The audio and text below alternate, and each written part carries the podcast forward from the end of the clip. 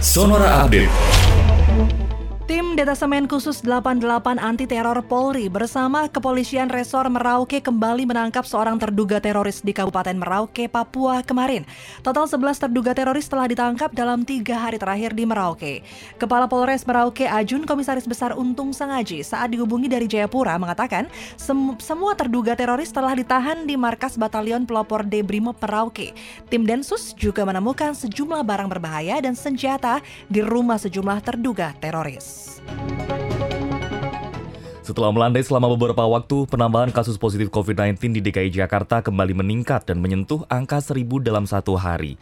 Laman resmi penanganan COVID-19 Jakarta, corona.jakarta.go.id mencatatkan penambahan kasus sebesar 1064 pada hari Minggu kemarin. Peningkatan kasus ini terjadi pasca libur lebaran pada pekan kedua bulan Mei 2021.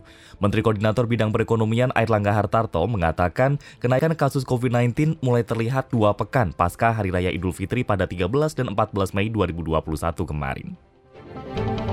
Pihak berwenang di Vietnam telah mendeteksi varian virus corona baru yang merupakan kombinasi dari varian COVID-19 India dan Inggris. Menurut Menteri Kesehatan Vietnam, varian ini menyebar dengan cepat melalui udara.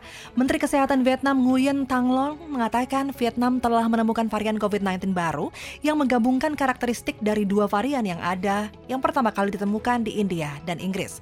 Vietnam akan segera mempublikasikan data genom dari varian yang baru diidentifikasi yang dikatakan lebih mudah menular daripada jenis yang diketahui sebelumnya.